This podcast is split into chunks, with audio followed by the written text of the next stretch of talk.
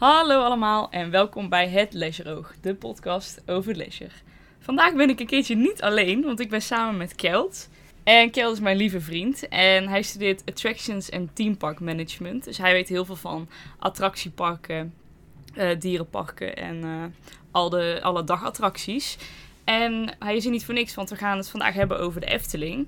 En dan over de Efteling attracties. Want we gaan een tierlist maken waarbij we de attracties in de Efteling gaan ranken. Op verschillende rankings. Dus je hebt de S-tier, dat is de hoogste. En dat loopt dan zo door van A tot en met F.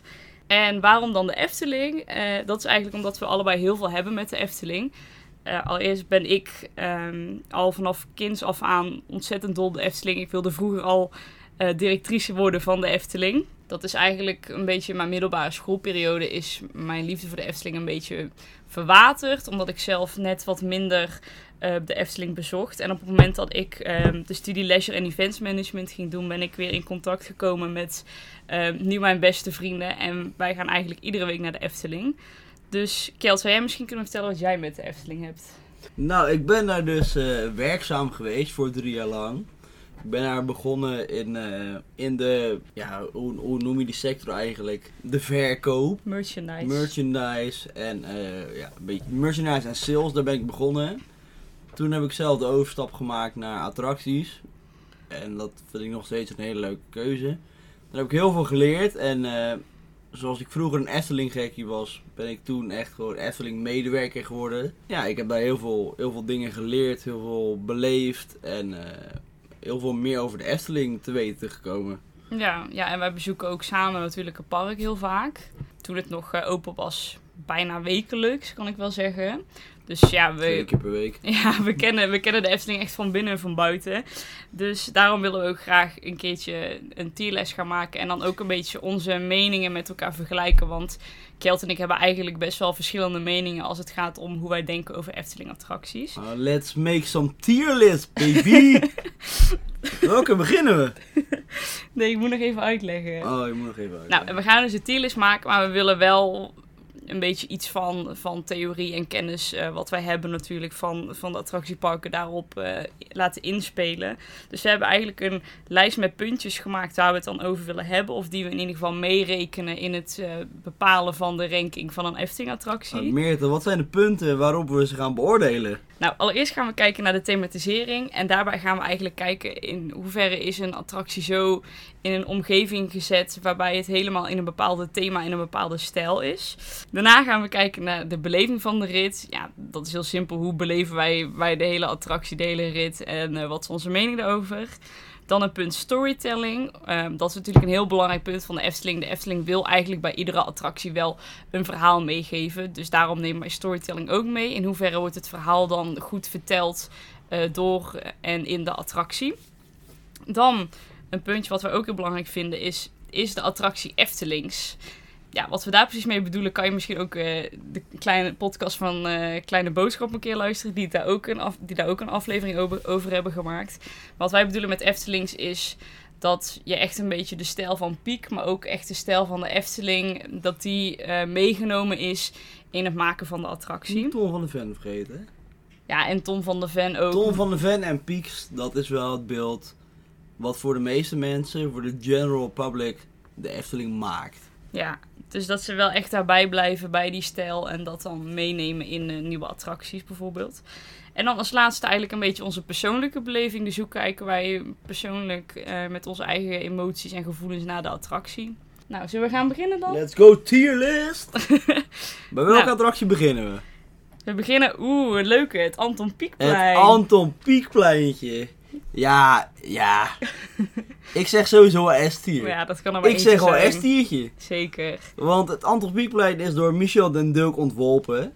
Ontworpen. Ontworpen. En Michel den Dulk heeft dat hele plein ontworpen met het idee op hoe zou Anton Pieck het zien.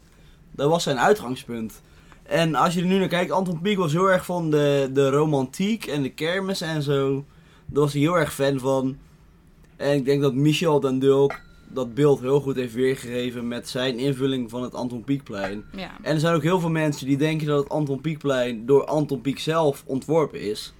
Terwijl dit de derde versie is van het Anton Pieckplein. Mhm. Hij heeft er helemaal niks mee te maken gehad. Anton Pieck die, die leefde niet eens meer toen dit plein, zoals het er nu uitziet, ontstond. Alsnog denken heel veel mensen dat het door Anton Pieck zelf ontworpen is. Dat is helemaal niet waar. Michel den Dulk, ik denk dat hij daardoor alleen maar zichzelf bewezen heeft dat dit gewoon een S-diertje is. Het is gewoon een S-diertje. Ik vind het zelf echt een eh, hidden gem, kan ik wel zeggen. Het is iets waar heel veel dagbezoekers gewoon straal voorbij lopen. En wij nemen daar echt de tijd om even te gaan zitten en te kijken. Want ja, het, inderdaad, het is een heel mooi gebied. Je ziet ook echt helemaal in één beleving met alle geveltjes en de huisjes en zo die je dan ziet. Ja, dat maakt het gewoon heel mooi. Nou ja, je hebt hier niet echt een beleving van een rit natuurlijk. Maar de hele beleving eromheen met dan alle molens, dat is wel voor mij echt... Dat, Het is wel die, die oude kerma, kermisromantiek die Anton Pieck destijds ambieerde voor het plein. Dus ja, precies, ja. S-diertje. Ik zeg gewoon S-diertje. Ja, ja, als we kijken naar Eftelings is het natuurlijk zo Eftelings als het maar zijn kan. Eigenlijk de basis, het Anton Pieckplein is de basis Ja, van waaruit alle andere En mensen denken ook dat het een van de oudste pleinen is, terwijl dat helemaal niet waar is. Want dit plein staat er pas sinds 2006. En als dat mensen toch al zo'n gevoel geeft van, oh ja, dit is echt Eftelings. Terwijl het er pas sinds 2006 is. eh, Dat, dat verdient gewoon gelijk een S-diertje, joh. Ja. Essie. Dan zetten we op Ik zeg hem voor een Essie. Oké, de volgende. Gadver- Gadverdamme. Nou, de volgende is Aquanura. Aquanura. Nou, wat, wat, ja, ik... was het eh, jubileumkindje van Bart de Boer destijds. En Bart de Boer die heeft zijn inspiratie getrokken uit eh, de grote fontein in Las Vegas destijds. Mhm. En eh, Wet Designs, of WET Designs, zoals het bedrijf officieel heet. Het is een mooie fonteinenshow. Ik, ik, zal er niet, ik zal hem niet onder doek steken of zo, maar Mhm. het, het, is, het is niet Eftelings genoeg. En om het nog erger te maken, het verpesten volledig het zicht op Vater Morgana. Wat vroeger altijd een fotolocatie was, is nu volgepompt met ijzeren buizen die uit het water steken. En heeft volledig het zicht op Vater Morgana geruineerd. Ik vind het zelf eh, inderdaad ook geen meerwaarde hebben in de Efteling. Het, het voegt voor mij echt helemaal niks toe. Ehm, ja, en als we kijken naar onze punten, ja, dan past het eigenlijk nergens ook echt bij. Ik bedoel, thematisering is er niet. Beleving, ja, er is wel een beleving, maar het is niet dat je echt... De beleving is niet ge- gecreëerd, de beleving is geforceerd. Ja, het is niet dat je echt in een locatie komt en dat dan je zit er maar naar te kijken. En dat De is het locatie was eigenlijk al gewoon helemaal goed. En door de toevoeging van Aquanura is en een ander themagebied een beetje verpest. En worden we nu geforceerd om te kijken naar een eh, wet fonteinenshow die we op drie andere plekken in de wereld ook kunnen zien. Ja, dus wij zijn geen fan. F-tiertje. Die gaat, die gaat voor mij gelijk naar de F. Ja, die gaat naar de die F gaat toe. naar de F. Nou, de volgende, het avonturendolhof. Het avonturendolhof. Ja, ja. Ik denk niet dat het mensen heel veel zegt ook gewoon. Ik bedoel, het, het is een klassieker. Het is door Henny Knoet ontworpen nog destijds. Eh, het, het paste heel goed in Reisrijk. Want Avonturendolhof en Vogelrok en Carnaval Festival en Monsieur Cannibal daarnaast pasten destijds heel goed bij elkaar. Mhm. Monsieur Cannibal had destijds ook nog geen kap over de attractie heen. Ik, ik denk dat dit vooral zo'n zo'n nostalgische klassieker is. Ik, Want ik vind het wel een, een leuke toevoeging inderdaad in een park. En ook voor kinderen is het heel leuk om daar gewoon lekker in te gaan en het te beleven. Als kind vond ik dit ook heel leuk met de waterfonteinen. En dus die beleving, dan bekeken vanuit een kinderperspectief, is gewoon goed. Ja, of we nou, als we nou hebben over thematisering, ja, er zijn wel wat leuke elementen toege- toegevoegd. Met die tralies bijvoorbeeld, waar je dan doorheen ze gaat. hebben hun best gedaan. Ja, wel. dat zijn wel. Het is natuurlijk geen standaard dolf. Je hebt En- wel de, aan, de paar Eftelingse elementjes erin zitten. En ja, zoals je al zei, Ja. het is wel echt een klassieker. Aan de Monsieur Cannibal kant hebben ze ook wel een rieten dakje toegevoegd in dat huisje wat er is. Mhm. Het Dolhof heeft denk ik wel zijn beste tijd gekend. Want er, van, de, van de struiken wordt er wel heel veel ja, bijgeplant. Omdat het gewoon niet meer, niet meer voldoende is aan de hoogte die ze willen hebben in het Dolhof. Eh, ik denk dat dit vooral zo'n nostalgische klassieker is. Die voor mij betreft een D of een C-tiertje krijgt. Ik wilde D zeggen ook, ja, inderdaad. Een D'tje. Ja. Gewoon omdat dit is een van die, van die zoete herinneringen die je als kind had aan, die, aan dat doolhof en aan die attractie, als we het zo mogen noemen. Maar wat op dit moment niet meer echt nou, niet heel bijzonder meer is. het is niet bijzonder meer. standaarden nu is het niet heel Nee. eh denderend, nee. Oké. ja, Ja? ja, het, het zou een goede plek zijn voor een andere attractie binnen Reizenrijk. Ik weet niet of dat, of dat genoeg plek is, hoor. Een kleine wel- flatride zou er best wel passen. Ja, dat wel heel klein. maar goed, dan gaan we verder naar... Een van mijn favorieten, natuurlijk. Baron 1898. Baron 1898. Ja, Instant S-tiertje, als je het mij vraagt. thematisering, top. Thematisering is top. Top. De wachtrij die wordt er al op aangepast. Je gaat door het, eh, door het bos heen, waar zeg maar de bomen worden gekapt die gebruikt worden in de mijn. Ja, alleen één min... Ik weet ik vind de wachtrij... Maar, maar ja, dat vergelijk ik met een Vliegende Hollander wachtrij natuurlijk, waar je helemaal Ja, de beleving dat, zit. dat is wel appels met peren vergelijken natuurlijk. Ja, precies. Want de wachtrij van de, vliegen, van de Vliegende Hollander is natuurlijk volledig gethematiseerd Ja. voor het moment dat je binnenkomt. En van de Baron is dat ook wel zo. Maar, Maar dan moet je weten dat het eerste deel het productiebos is. En ja, precies. destijds in de mijn, in, eh, ja echt in de mijntijd zeg maar, hadden ze die bomen nodig als, gro- eh, als brandstof. Hadden ze nodig in de mijn. En daarom is dat het productiebos. Kom je later de mijn binnen en Ja, zodoende loop je dus het verhaal door. Dus Ja. ik vind dat eh, de wachtrij Goed ook is. best wel, best wel prima Ja. gekozen is. En ook met alle, alle elementen die er hangen. Ik wil zeggen, als we kijken binnen de attractie, heel veel details en inderdaad kleine frutseltjes en frummeltjes. Alles is, ja, er is overal aan gedacht. Dus qua thematisering is gewoon top. En als we dan kijken naar een beleving van de rit, ja, het is gewoon Ja, een goede achtbaan. Het is gewoon een hele goede B&M coaster. Ja, want als je het vergelijkt met andere Efteling achtbanen, vind ik de Baron wel een van de beste. Qua trail en De Baron is gewoon Spanning. een hele goede B&M divecoaster. Want zoals een divecoaster het al betaalt, betaamt. Het gaat om die drop, zeg maar. Ik vind dat de Baron het heel goed doet. Dat stukje is ook heel mooi gethematiseerd. En je blijft even hangen. En die remeffecten die zijn ook net iets meer opgehyped dan dat ze daadwerkelijk zouden zijn. ja. Je blijft er even hangen. Dat is het moment dat de spanning bij mensen in hun lijf schiet. Mhm.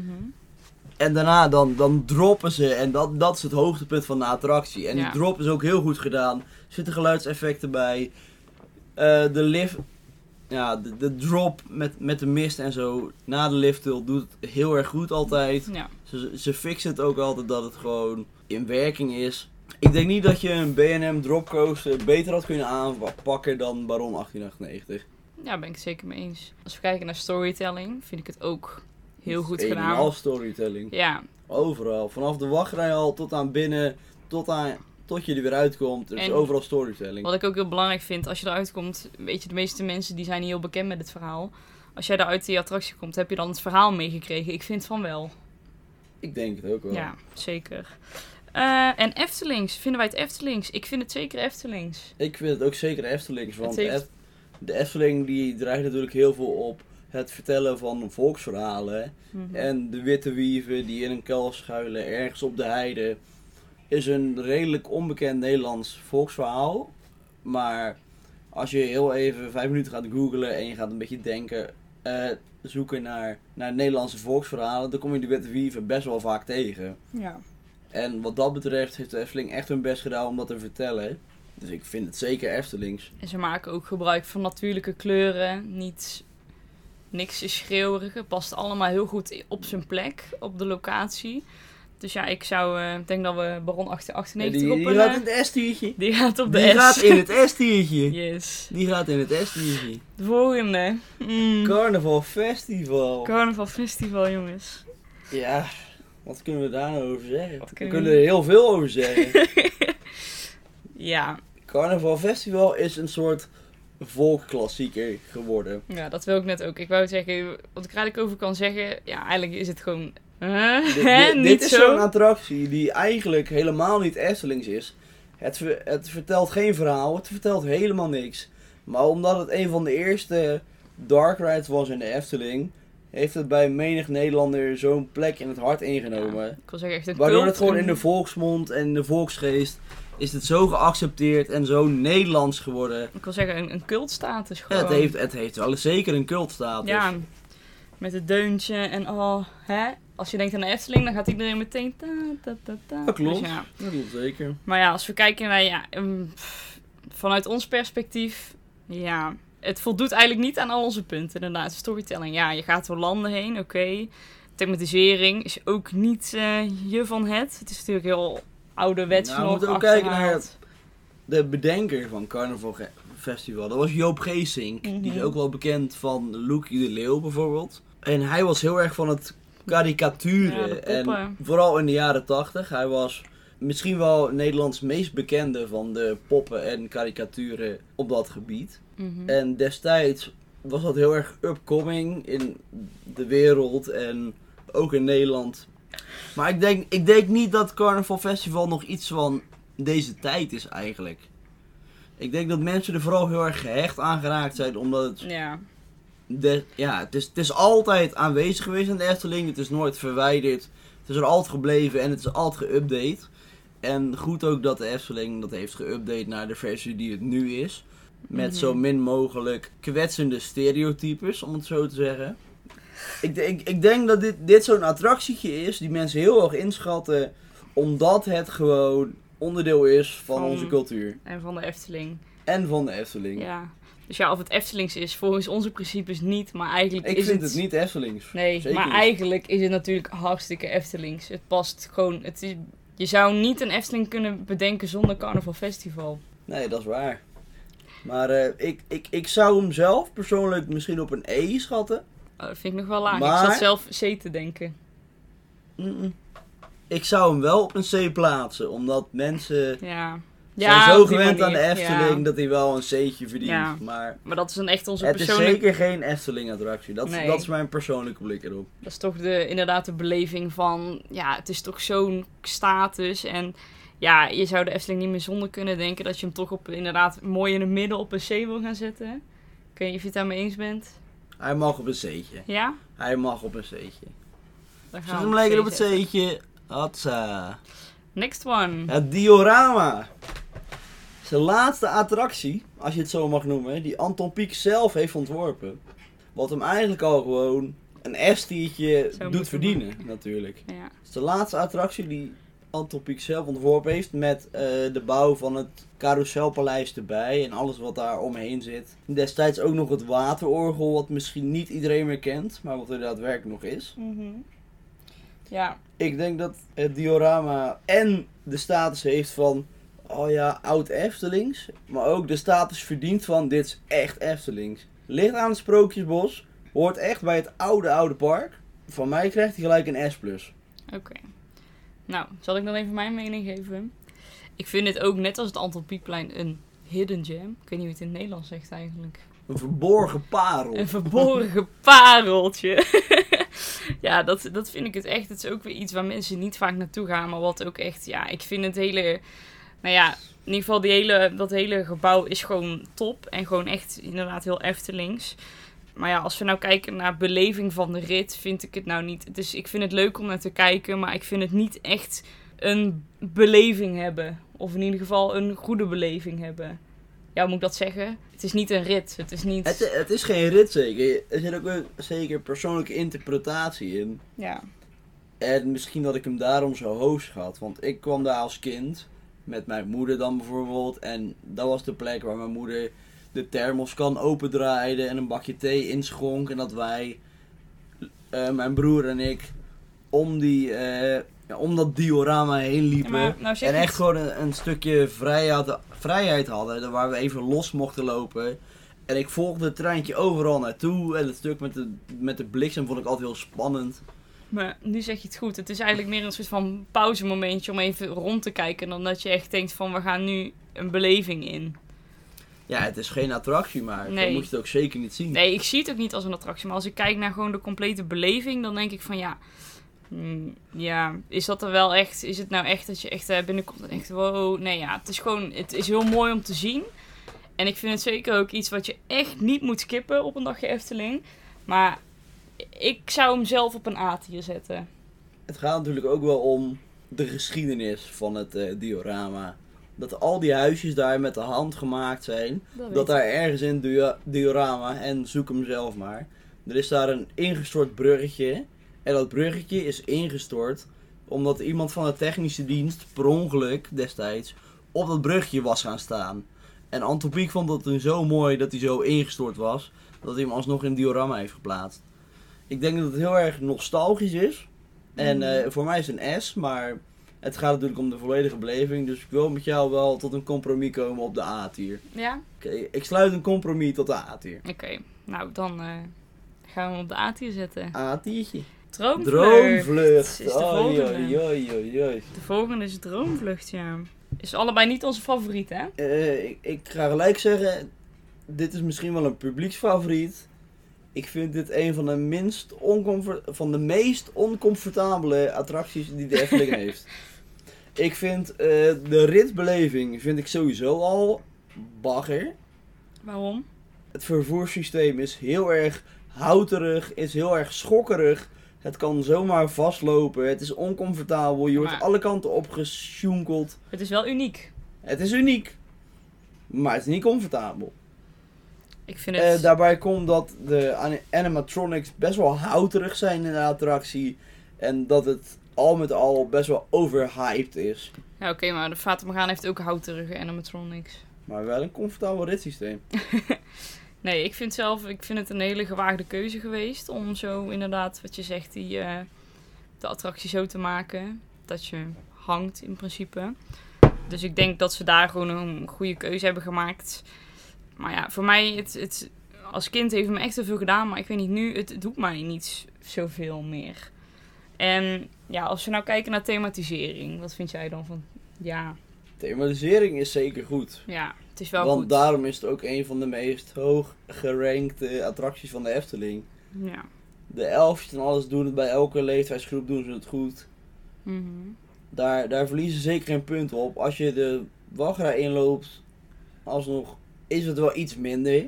Ja. Efteling heeft het al geprobeerd tien jaar geleden om dat te verbeteren. Want vroeger was het gewoon alsof je een eh, garage van een Centerparks huisje binnenliep, om het maar zo te zeggen.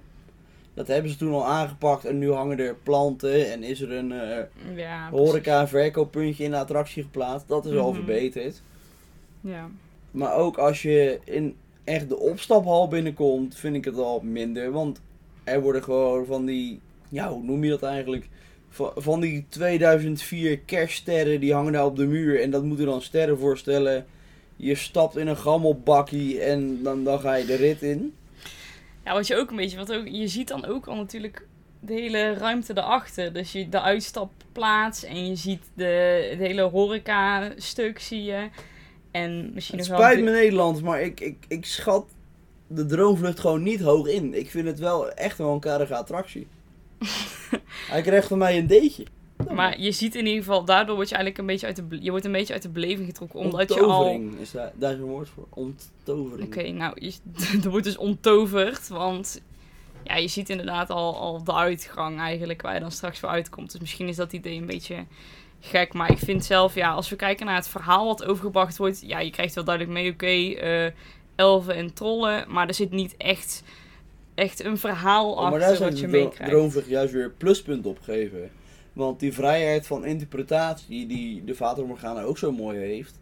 Die Hmm. trouwens ook door Tom van der Ven ontworpen is. Dat vind ik juist mooi. En dat mist, missen bijvoorbeeld de nieuwe attracties zoals Symbolica.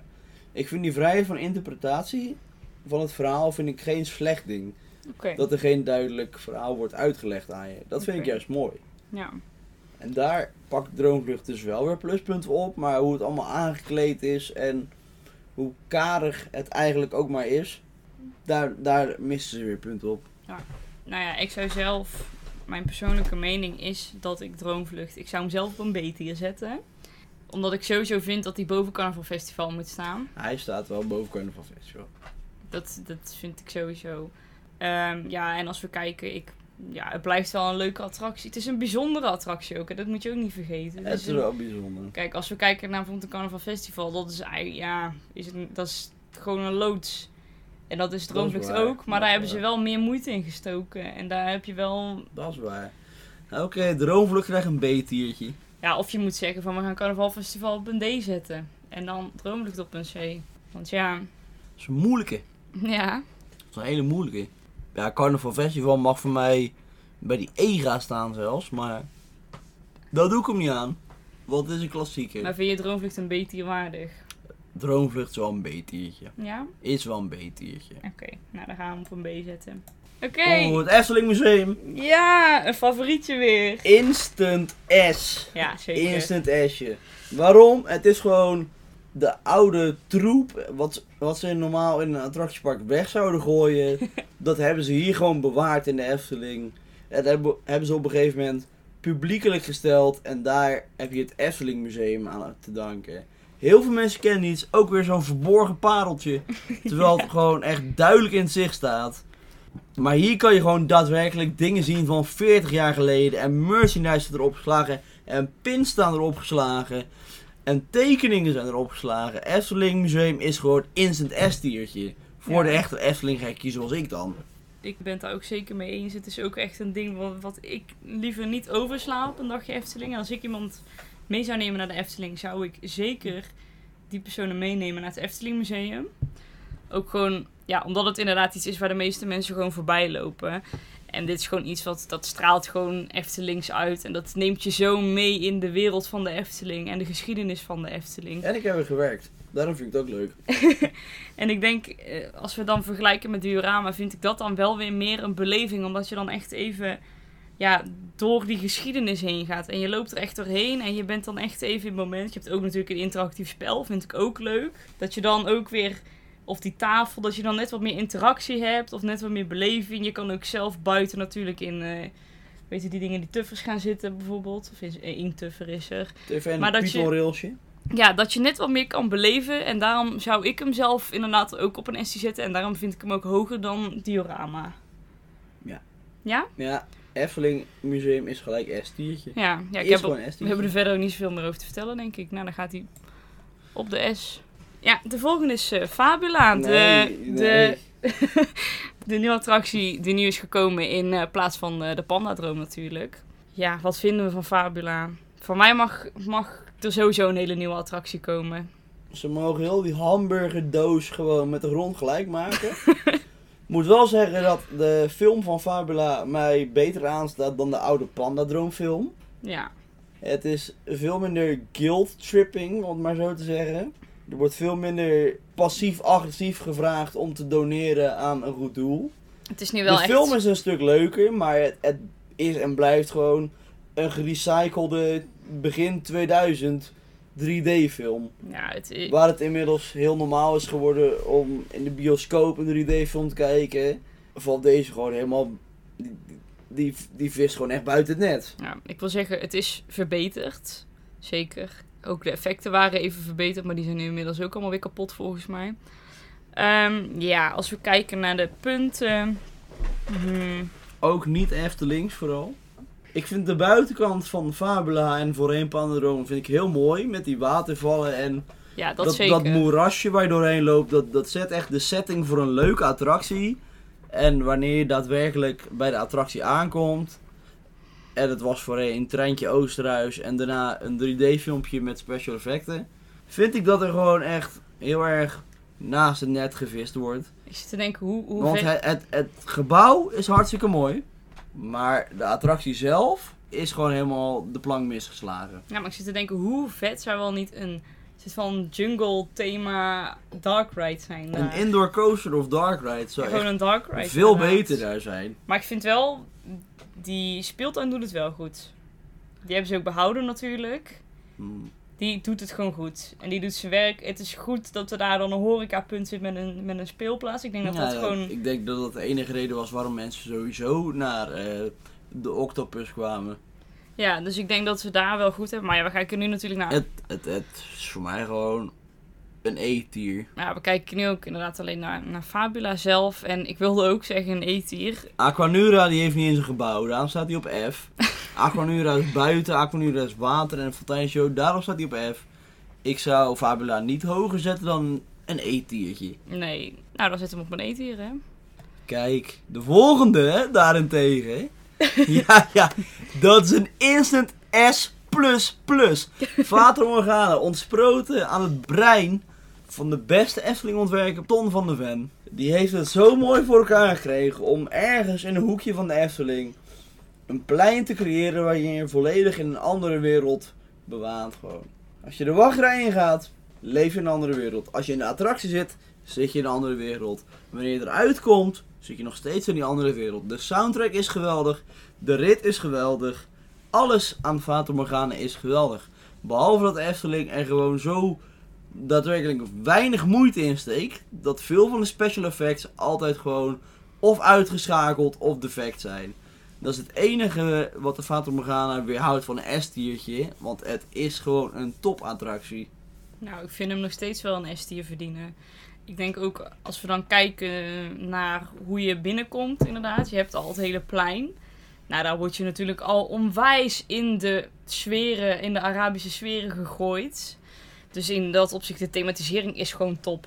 Je komt er gewoon al op het plein en je hebt al, je krijgt alles al mee. En dat vind ik gewoon heel goed gedaan. Dus in dat, ja, thematisering is gewoon perfect. Beleving van de rit. Nou, ik denk dat je wel echt een beleving meemaakt als je in die boot stapt. Ook vind ik het goed dat ze voor een boot hebben gekozen en water. Ik denk dat dat ook een eh, heel eh, goed punt is geweest. En storytelling, ja, wat je zegt met die open beleving is eigenlijk ook wel heel mooi. Ja, je krijgt wel een verhaal mee, ook van arm naar rijk natuurlijk. Ik denk dat dat wel heel mooi gedaan is. Ehm Eftelings, vanuit Eftelings. Ik vind het wel Eftelings, zeker Eftelings. Anton Pieck heeft zelf ook eh, heel veel getekend over sprookjes vanuit het oosten, zeg maar. Het verre oosten. Eh, die sprookjes zijn niet heel bekend die hij geïllustreerd heeft. Tom van der Ven heeft daar wel zijn beleving uitgehaald. En heeft op, op basis daarvan Fata Morgana ook ontworpen. Ik denk dat je het niet Eftelingse krijgt dan Fata Morgana eigenlijk. Ja, ik, ik weet niet of ik het zelf heel... Ik vind dat altijd lastig, dat ik een beetje hetzelfde bijvoorbeeld met de Chinese nachtgaal. Het is wel een heel ander thema dan dat je gewend bent van de Eftelingse Eh, stijl. het zijn geen Duitse sprookjes nee, precies. Het zijn sprookjes uit het Verre Oosten, maar juist de, de invulling van hoe die en de interpretering van hoe die sprookjes zijn vormgegeven, vind ik juist heel Eftelings. Ja, klopt. Daar ben ik het ook Want eens. Er worden in heel veel parken Arabische sprookjes weergegeven. Ook in Disneyland met Aladdin en zo. Vooral Disneyland Tokyo, die een eigen Aladdin attractie heeft. Dat is echt heel anders dan de Fata Morgana en de Efteling. Ik denk dat de Fata Morgana echt een hele eigen interpretatie weergeeft van Arabische sprookjes die je nergens anders ter wereld kan vinden. En Ja. daarom vind ik het heel Eftelings. Het is echt uniek. Het, het, het vertelt een verhaal en welk verhaal is voor iedereen anders. En Ja. daarom vind ik het juist enorm Eftelings. Dus S-tier. S-tiertje? Gelijk Gaan we mee S-tiertje. zitten. De volgende is de Game Gallery. Is dat een attractie? Het blijkt... Nee. Nee. Nee. Gewoon nee, nee. nee, nee, nee, die doet niet mee. Nee, die mag eh, gewoon weg. Die doet gewoon niet mee. Nee, de Die doet game... gewoon niet mee. Ja, nee, de Game Gallery nooit gebruik van gemaakt. Geeft geen toevoeging. Ik vind het ook... Ja, vind je passen bij, bij de hele omgeving? Bij het Nee, Ruikrijk? nee, dit is gewoon een kermis die ergens toevallig is. Wat ze het wel hebben gedaan is het een beetje... Het heeft wel een Eftelings karakter. Dus Het heeft qua de... Het heeft het Zeemans thema Vormgeving. gekregen. Ja. Maar dat is ook pas sinds vijf jaar geleden. Ja. Daarvoor was het gewoon één dikke uh, vergooi je geld kermis. Nee, ik vind het niet Eftelings. De prijzen zijn niet Eftelings. Eh, de sfeer zijn zeemansliederen die eh, gefluit worden in plaats van dat ze daadwerkelijk gezongen worden. Eh, het sluit aan bij wat er toevallig omheen ligt. Zeg maar de halve maan en de vliegende Hollander. Voor de rest is er helemaal niks Eftelings aan. Nee, maar ik denk dat dat wel net wel punten zijn waarop ik hem... Ik zou eerst zou ik denken F, maar nu we er eigenlijk over hebben... Op zich, het, het hele concept en de beleving is gewoon... Ja, dat heeft gewoon geen toevoeging. Geen, het heeft geen belangrijker dan Aquanura. Het dat heeft, wel. ja, het heeft geen meerwaarde echt in de Efteling. Maar als we kijken naar inderdaad het thema en hoe het dan wel mooi is verwerkt met wat jij zegt, de halve maan, de vliegende Hollander, een beetje dat zeemansthema. Ja, dat nautische thema komt wel terug, maar dat hebben ze ook pas jaren later besloten. Want het was gewoon een fokhal waar je een beetje spelletjes kon doen die je ook op de kermis kon doen. Ze hebben het thema nu al aangepast, dus hij zou niet meer op een F staan voor mij. maar op een eetje. Een eetje. Een eetje. Een eetje. De volgende attractie is de gondoletta. Wat vind jij ervan? Ik vind de gondoletta een prima attractie. Vooral hoe die er vroeger uitzag. Het was origineel natuurlijk het ritssysteem voor het idee van een Fata Morgana. Om dat op het eilandje te doen. Daar was het eilandje te klein voor. Maar vroeger was de gondoletta echt wel mooi. Want je ging langs allemaal van die bloemenvelden. Die waren volgeplant met alle kleuren van de regenboog. Maar tegenwoordig ja, de gondoletta is niet echt meer belangrijk of zo. Je kan er lekker je broodje eten, maar dat is het ook wel. Ja, misschien een beetje hetzelfde als bij de diorama. Een soort van pauzemomentje inderdaad. Hmm. Ja, en als we kijken, ja... Het is eigenlijk gewoon een, een bootvaart door, eh, het is gewoon een boottochtje. door de. Efteling. Dus ja, ja meer, heel veel meer is het eigenlijk ook niet.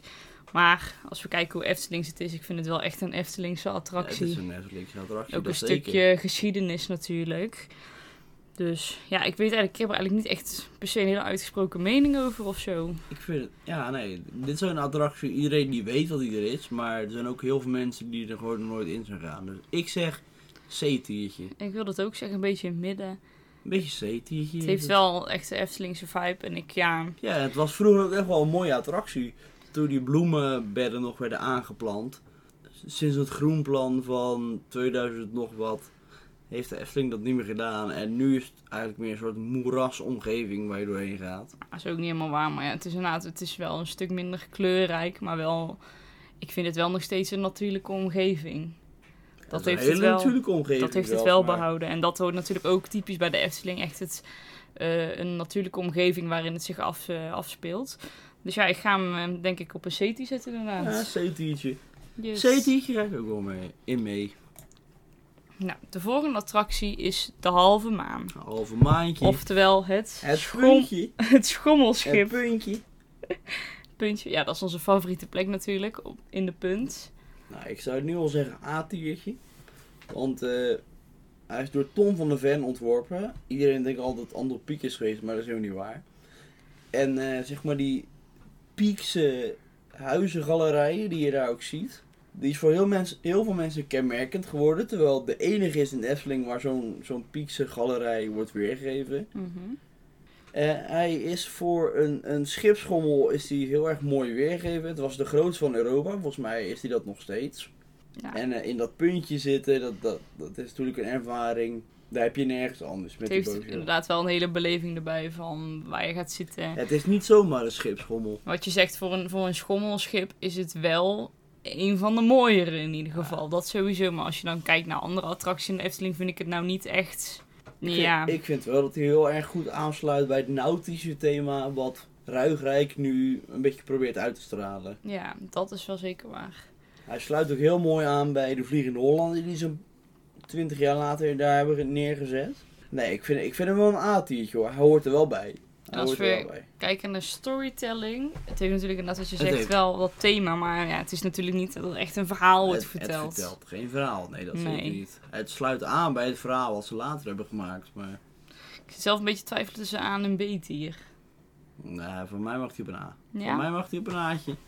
Want die galerij die daar ook eh, te zien is, boven het schip zeg maar, Ja, daarnaast, bij de ingang inderdaad. Of ja, aan de kant van de ingang. die is wel kenmerkend geworden voor Efteling-stijl, om het zo te zeggen. Ja, Dus ik denk dat hij daarmee wel zijn A-tier heeft verdiend. Het is geen S-tier, want er zit geen verhaal in. En het, de, de ritbeleving is, zoals ik zeg, gewoon naar. Het, het is geen leuke rit. nou, ja, maar dat is persoonlijke beleving. Nou, Maar. Hij verdient voor mij wel een A-tiertje. Ja, dan eh, ga ik het toch inderdaad met jou mee. Omdat ik het toch inderdaad wel... Het is gewoon mooi gethematiseerd. En voor een schommelschip, wat je zegt, is het wel gewoon heel mooi gedaan. Dus we gaan hem op een A-tiertje zetten. Dan hebben we nu de Joris en de Draak. Joris en de Dragoon. Yes. Ja, dit is natuurlijk de opvolger van de bekende Pegasus. Ja. Waar ik zelf heel veel mooie herinneringen na- aan heb. De Pegasus was voor mij persoonlijk de eerste achtbaan waar ik ooit in ging. En ik weet nog precies hoe het was. Ik weet ook dat heel veel mensen klachten hadden over de Pegasus. Hij was oncomfortabel, deed pijn aan je, aan je heupen. Hij was hard, grof, whatever, whatever, whatever. De Pegasus heeft op een gegeven moment zijn, zijn tijd had hij gehad in 2009. En toen hebben ze Joris en de Draak neergezet. En eigenlijk hebben ze toen de Pegasus keer 10 overtroffen. Ze hebben eh, een Woody neergezet. Een double Woody zelfs. Die eigenlijk de Pegasus in alle, alle, ja, alle aspecten overtroffen heeft. Joris en de Draak is gewoon een Woody die de Efteling nodig had. En hij doet het echt gewoon knijtergoed. Ja, als we Hij, kijken... hij gaat hard, hij gaat snel, hij heeft een mooi baanverloop. Het enige nadeel is dat hij best wel storingsgevoelig is en dat er best wel veel onderhoud aan gedaan moet worden. Ik vind hem heel Eftelings, want het, het vertelt het verhaal van Joris en de Draak, wat best wel een bekend Nederlands verhaal is. Mhm. Jammer dat er ook gewoon niet meer aan de animatronics wordt gewerkt, dat wel, maar het, het baanverloop blijft gewoon echt een, het blijft gewoon een topattractie. Ja, wat zo uniek is eraan is natuurlijk dat het, eh, dat het eigenlijk twee eh achtbanen in één zijn. Je hebt natuurlijk het hele race systeem. Ik denk dat dat wel ontzettend uniek is. En als we kijken qua trail en spanning in die achtbaan, ja, zeker een hele goede, goede achtbaan. Ehm, ja, en qua storytelling inderdaad, je krijgt het verhaal wel mee. Wat ik dan wel weer jammer vind, is dat ze... Het, ja, het is echt expliciete storytelling. Dus als je in de wachtrij staat, heb je die elektrische borden. En daardoor krijg je eigenlijk het verhaal mee. En ja, door de, de rest van de attractie wel een beetje. Maar ik wil nou niet per se zeggen, ja... Sinds het wegvallen van de draak is de attractie wel echt verminderd. De draak Ja. is nu statisch, hij doet niks meer, of zij doet niks meer. Eh welk geslacht je de draak ook wil geven. Heeft er wordt een geen vuur meer naar gespuwd, er, er vliegt geen water meer op en dat heeft wel echt afgedaan aan de beleving van de rit. Ja. Dus normaal zou ik hem sowieso bij de S of de A plaatsen, maar zoals die er nu bij ligt, krijg je mij een beetje. ja? En dat is puur voor het ritverloop. Want het is echt een hele kikke achtbaan. Het is een fucking goede Woody, maar dat is het ook wel. Ja, ik vind het De zelf... Woody ook- hij gaat constant hard en hij blijft maar accelereren. Maar dat is het ook wel gewoon. Het ritverloop is kicken. Maar voor de rest van de attractie is er niks meer te vinden. De, de, de muziek is leuk, maar de animatronic doet niks meer. Terwijl dat eerst een van de beste animatronic was die ik ooit had gezien. Hij spuwde vuur, hij sloeg met zijn staart. Dat Mhm. is nu allemaal niet meer en daardoor verliest de attractie ook zeker wel twee punten. Ja, ik vind het zelf inderdaad qua achtbaan is hij heel goed. Alleen hij heeft voor mij niet echt die aantrekkingskracht dat als ik in Efteling ben, dat ik dan denk van, oh, ik moet er echt in. En die keer als ik er dan wel in sta, als ik er dan wel in ben geweest, dan denk ik altijd van, ja, het is wel echt een hele leuke achtbaan. Maar het heeft inderdaad niet echt dat ik denk van, ja, het puntje op die, het heeft het nou niet. En ik vind het station ook niet echt, dat had ook wel iets mooi. Het had allemaal net wat, dat net wat meer thematisering had, net wat beter gekund. Als we kijken naar het niveau van de Efteling. Ik, eh, ik, ik zeg beetje. Puur Ja, voor de rit. Oké, dan gaan we voor een beet hier. Puur voor de rit. Dan is de volgende, het kinderspoor. Oh, daar heb ik al zo lang niet in geweest. Ik zou niet eens weten wat ik die moet geven. Ja, ik vind het ook een beetje lastig. Want ja, als kind voel je dit wel gewoon... Eh, dit, dit was mijn favoriete attractie als kind zelfs. Maar ik zou niet weten wat ik nu moet geven. Het is wel echt heel pieks. Alle poppen zijn door Anton Pieck ontworpen. ja. En ja, ik weet niet of je het animatronics kan noemen. Maar alles wat daar staat en wat daar daadwerkelijk vormgegeven is, is door Anton Pieck ontworpen. Dus je rijdt eigenlijk met dat treintje, wat ook door Anton Pieck ontworpen is, rij je door eh, een van zijn schilderijen. Wat dat betreft, Heel qua leuk. vormgeving zou die al een S moeten krijgen, maar daar beoordelen we natuurlijk niet op. Niet alleen. Nee. Ja, beleving. Ja, het is gewoon echt een, een kinderattractie. Het is een kinderattractie. Ik zou hem zelf niet op een ST zetten. Hij heeft natuurlijk wel een hele rijke geschiedenis. En ik vind het ook heel mooi dat het Hij er heeft vroeger staat. op de plek van het volk van Laaf gelegen. Klopt, het is ook helemaal verplaatst. Dus ja, ik, ik vind het een beetje een lastige. Ik zou zit zelf een beetje rond de C te denken eigenlijk. Ja, ik ook wel. Ik heb hier ook niet zoveel over te zeggen, want ik, ik, ik mag er ook al Heel lang niet 13 meer. jaar, 14 jaar mag ik er al niet meer in. Dus ik heb het al heel lang niet gezien. En wel leuk dat ze deze attractie ombouwen met, met de Winter Efteling naar een langlaufbaan. Maar ik bedoel, hij is heel pieks. Ik heb ook thuis het beeld van de reizigster staan. Wat natuurlijk Ja, enorm pieks Heel is. mooi, ja. Ik denk dat de C een goede plek is voor deze attractie. Dus, Hij is enorm pieks, maar als je ouder wordt, dan weet je er gewoon niet meer zoveel van. Tot je weer kinderen krijgt. Ja, nou, dan zetten we hem op de C. De volgende is een, eh, ja, een speeltuintje, hè? Kindervreugd. Geen attractie, maar een speeltuin. Ja, ik vind dit een pareltje. Het is een pareltje. Ik vind dit... eh, Het is een verborgen pareltje. Deze speeltuinen hadden voor mij eigenlijk alleen maar, maar... chimpansees hebben geen staarten. Nee, maar deze speeltuin hadden voor mij eigenlijk overal... En op iedere plek, op iedere plek waar een speeltuin staat... had wel zo dezelfde stijl speeltuin voor mij mogen staan. Want ja, dit is gewoon op en top pieks Eftelings. Hij heeft ook En best wel een mooi rustig plekje tussen Villa Volta en het Volk van Laaf. ja, het is wel echt... Ja, Maar ja, het, het is wel een beetje geforceerd, zeg maar. Want de oude speeltuin, wat vroeger zeg maar de main eh, trekpleister was van de Efteling. Die is toen vergaan met zeg maar de komst van het Volk van Laaf. Wat natuurlijk ook een topattractie is en een topgebied. En toen later hebben ze zeg maar op dat kleine stukje tussen Villa Volta en het Volk van Laaf... hebben ze die kleine kindervreugd teruggebouwd als nostalgische speeltuin. Mhm. Het is leuk, het trekt mensen aan en hij is ook zeker uniek als speeltuin. Ik vind het een A. Een A. Ja, ik vind hem, ja, ik weet niet, ik heb er gewoon echt heel veel affiniteit mee. Gewoon, ook- al kan ik het zelf natuurlijk niet als Nou, kind ja, eh, niet beleven. over. Ik vind het een C, dus zet hem een beetje. Oké, maar dan nog even wel om er wat meer over te vertellen is... Ja, voor mij, natuurlijk als kind, ik heb het niet zo... Ik weet niet hoe dan die beleving hebben hele is. chille hobbelpaardjes staan. dat wel, ja. Die zijn wel echt heel chill. Nee, maar ja, ik kan die kinderbeleving natuurlijk niet meer ophalen daarbij. Ik heb daar ook eigenlijk niet echt heel erg herinneringen aan. Maar ik vind het gewoon zo'n mooie speeltuin. En het is voor mij echt zo'n stukje Eftelings. Maar ja, inderdaad, als jij hem een C vindt en ik een A, dan gaan we hem op een B zetten. Dat vind ik ook een hele een mooie plek. Mooi bij de droomvlucht. Kijk, Dan, nu komen we bij het Kleuterhof. ja, de andere Nou, die mag speeltuin. voor mij gelijk naar F. Gelijk. Zeker eens.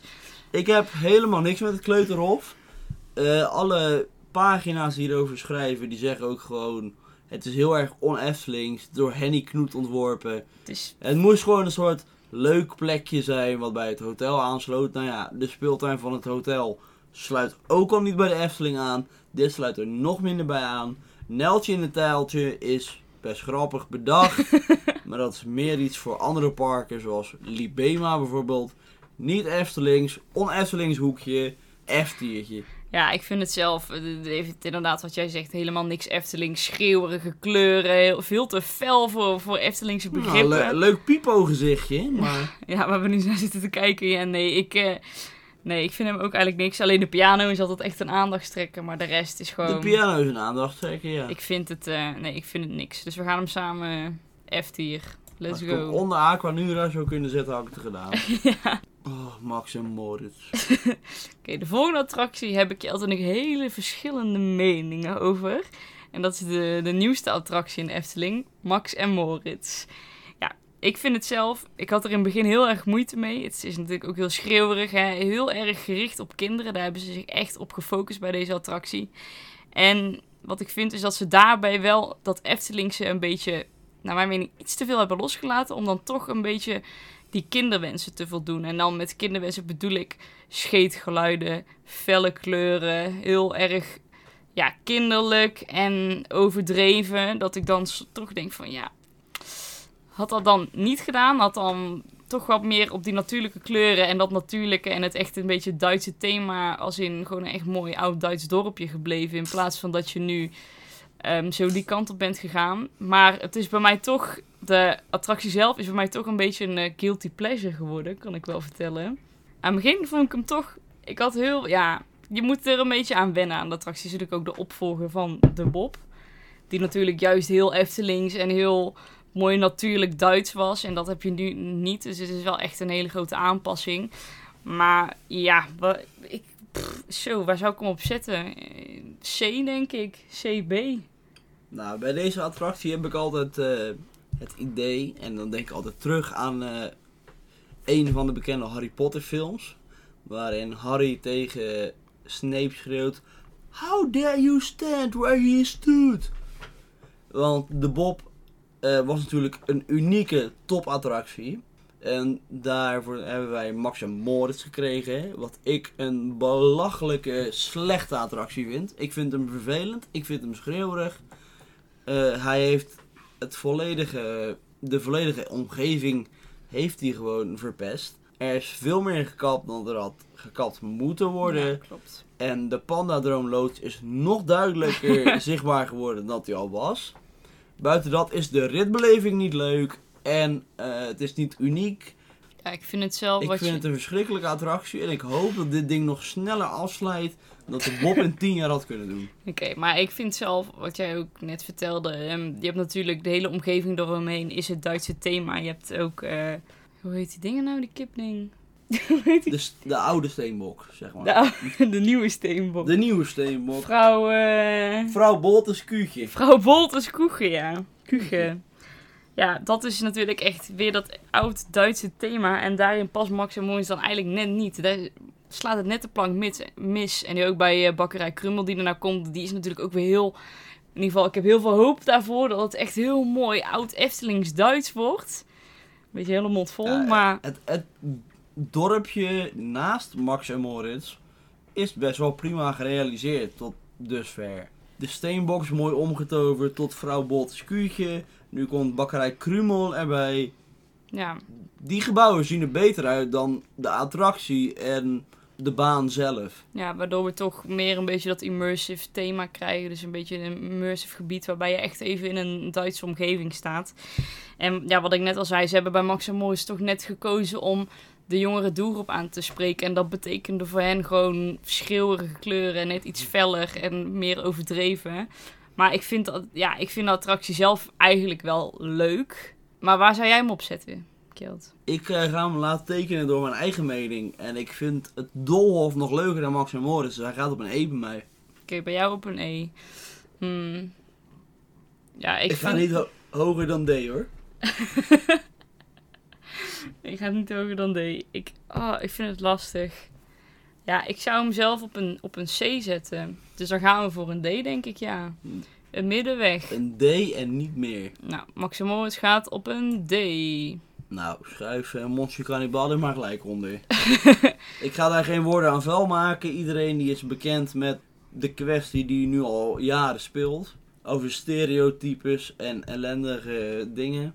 Die Monsieur Cannibal, geen leuke attractie, geen leuk thema. Er is veel te veel gedoe over. Ik vind het, F, F. ik vind het thema, het, de dingen leuk. Ja, natuurlijk alleen het beeld in het midden is gewoon niet meer van deze tijd. Dat moet gewoon al lang, al lang veranderd moeten worden. Maar ik vind het idee van de, van de, van de potten, dat vind ik eigenlijk heel leuk.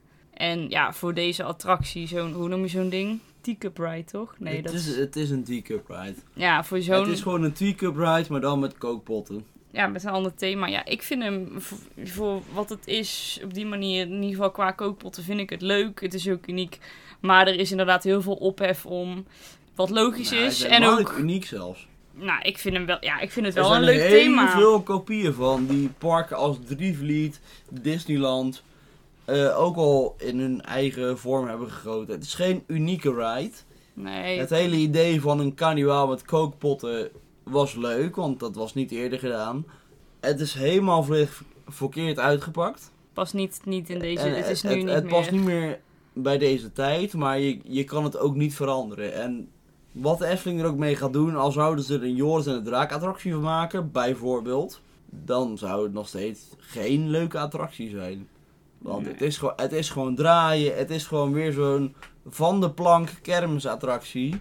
Geen uniek thema, eh, hij voegt niks toe, net als Reisrijk bijna in totaal al niet doet.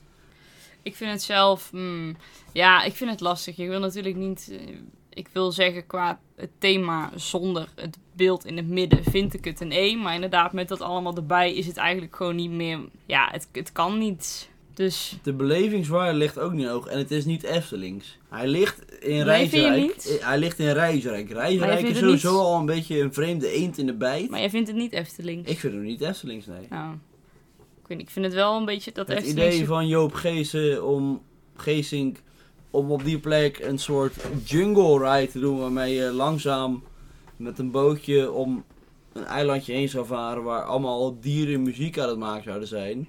Had beter op die plek gepast dan wat er nu staat. Want dit is gewoon een van de plank kermisattractie Mhm. met een paar zelf bedachte ontwerpen en meer niet. Dus jij zegt F. Nou, dan gaat hij op de F. De volgende is de oude Tuffer. De oude oude tuffer of de nieuwe oude tuffer? Nee, wel de nieuwe natuurlijk, waar we nu naar kijken.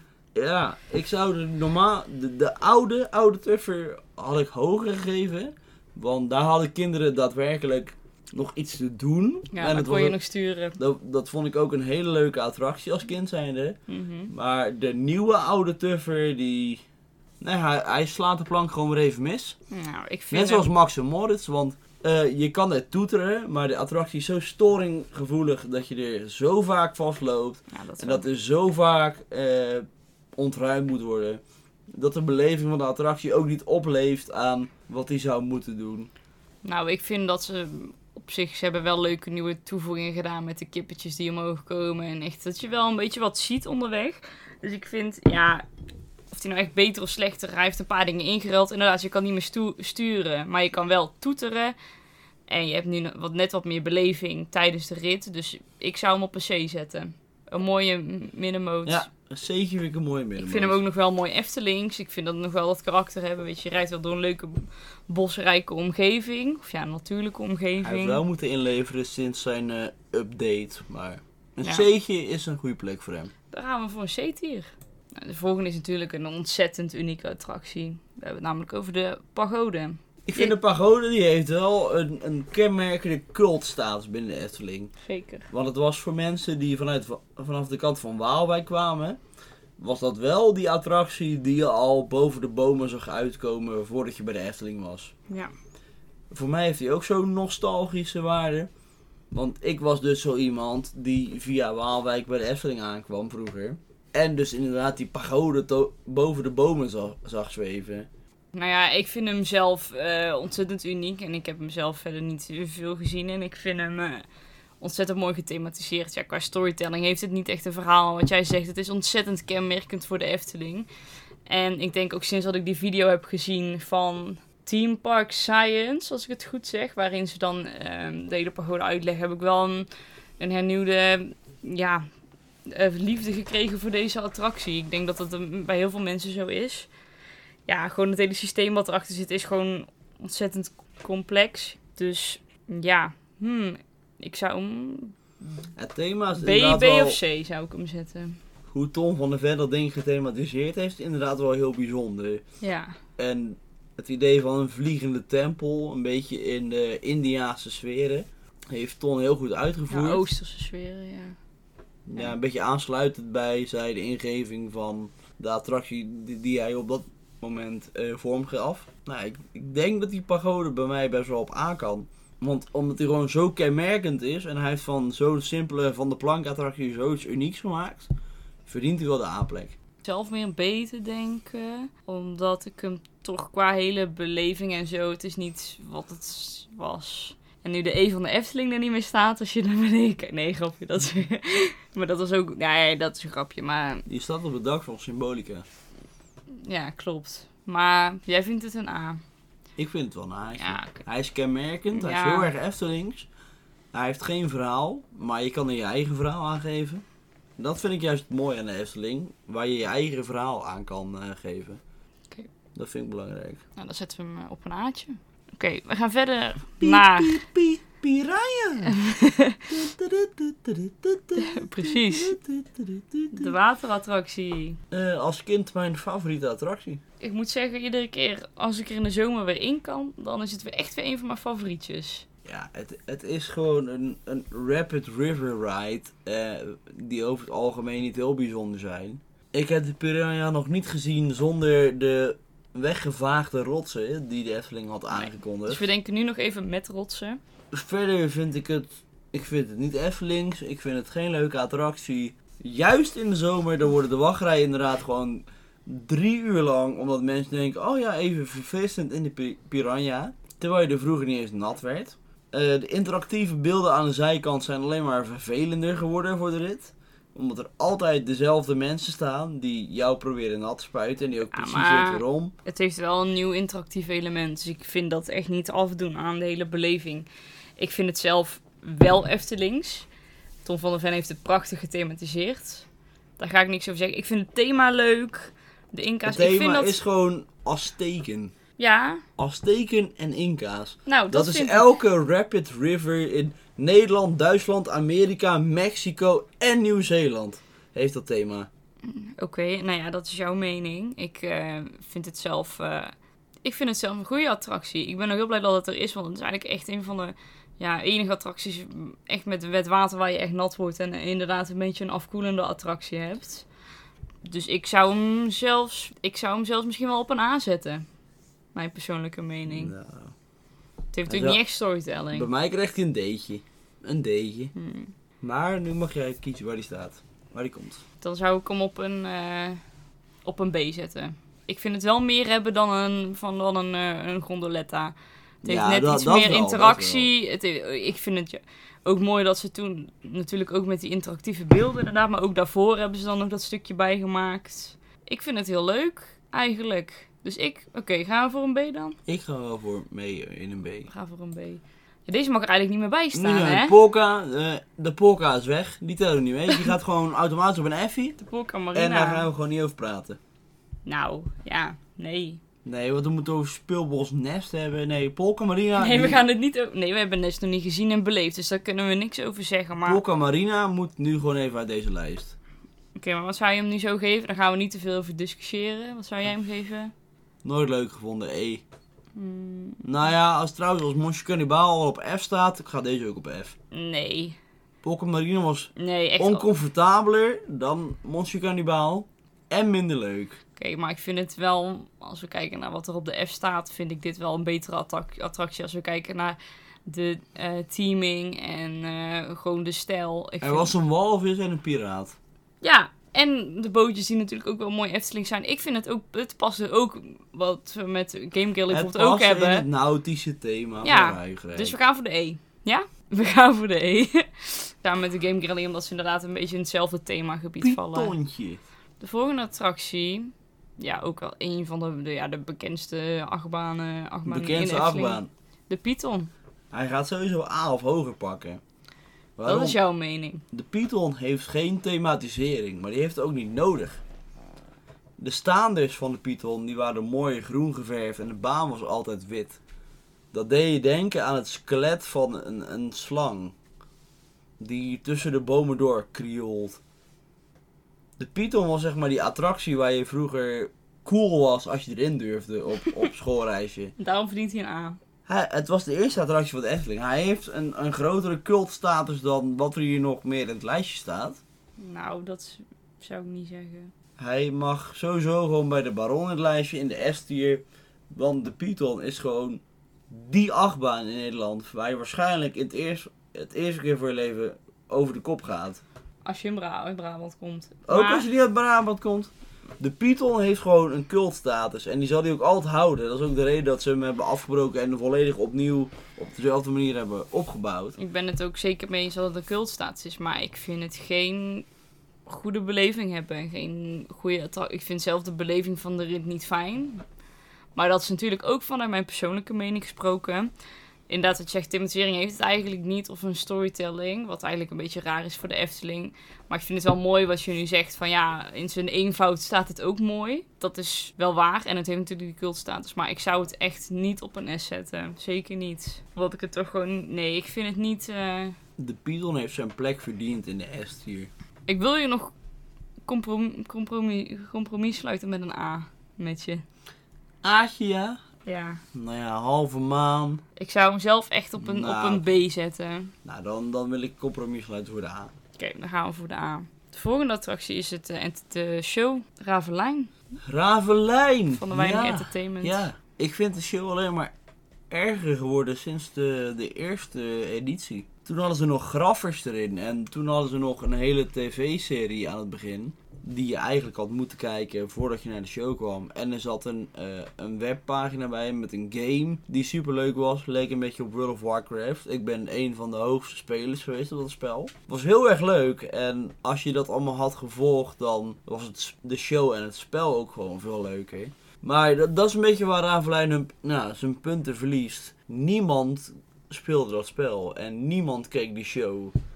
Dus Nee. als jij dat niet had gedaan, dan snapte je de Ravelijn show in de Efteling ook niet. Nou, ik wil niet zeggen dat je hem niet helemaal snapt. Maar je krijgt natuurlijk wel een deel van het verhaal Nou, de, mee. De, de eerste versie snapte je sowieso niet. Want dat was allemaal een vervolg van wat je in de serie gezien had.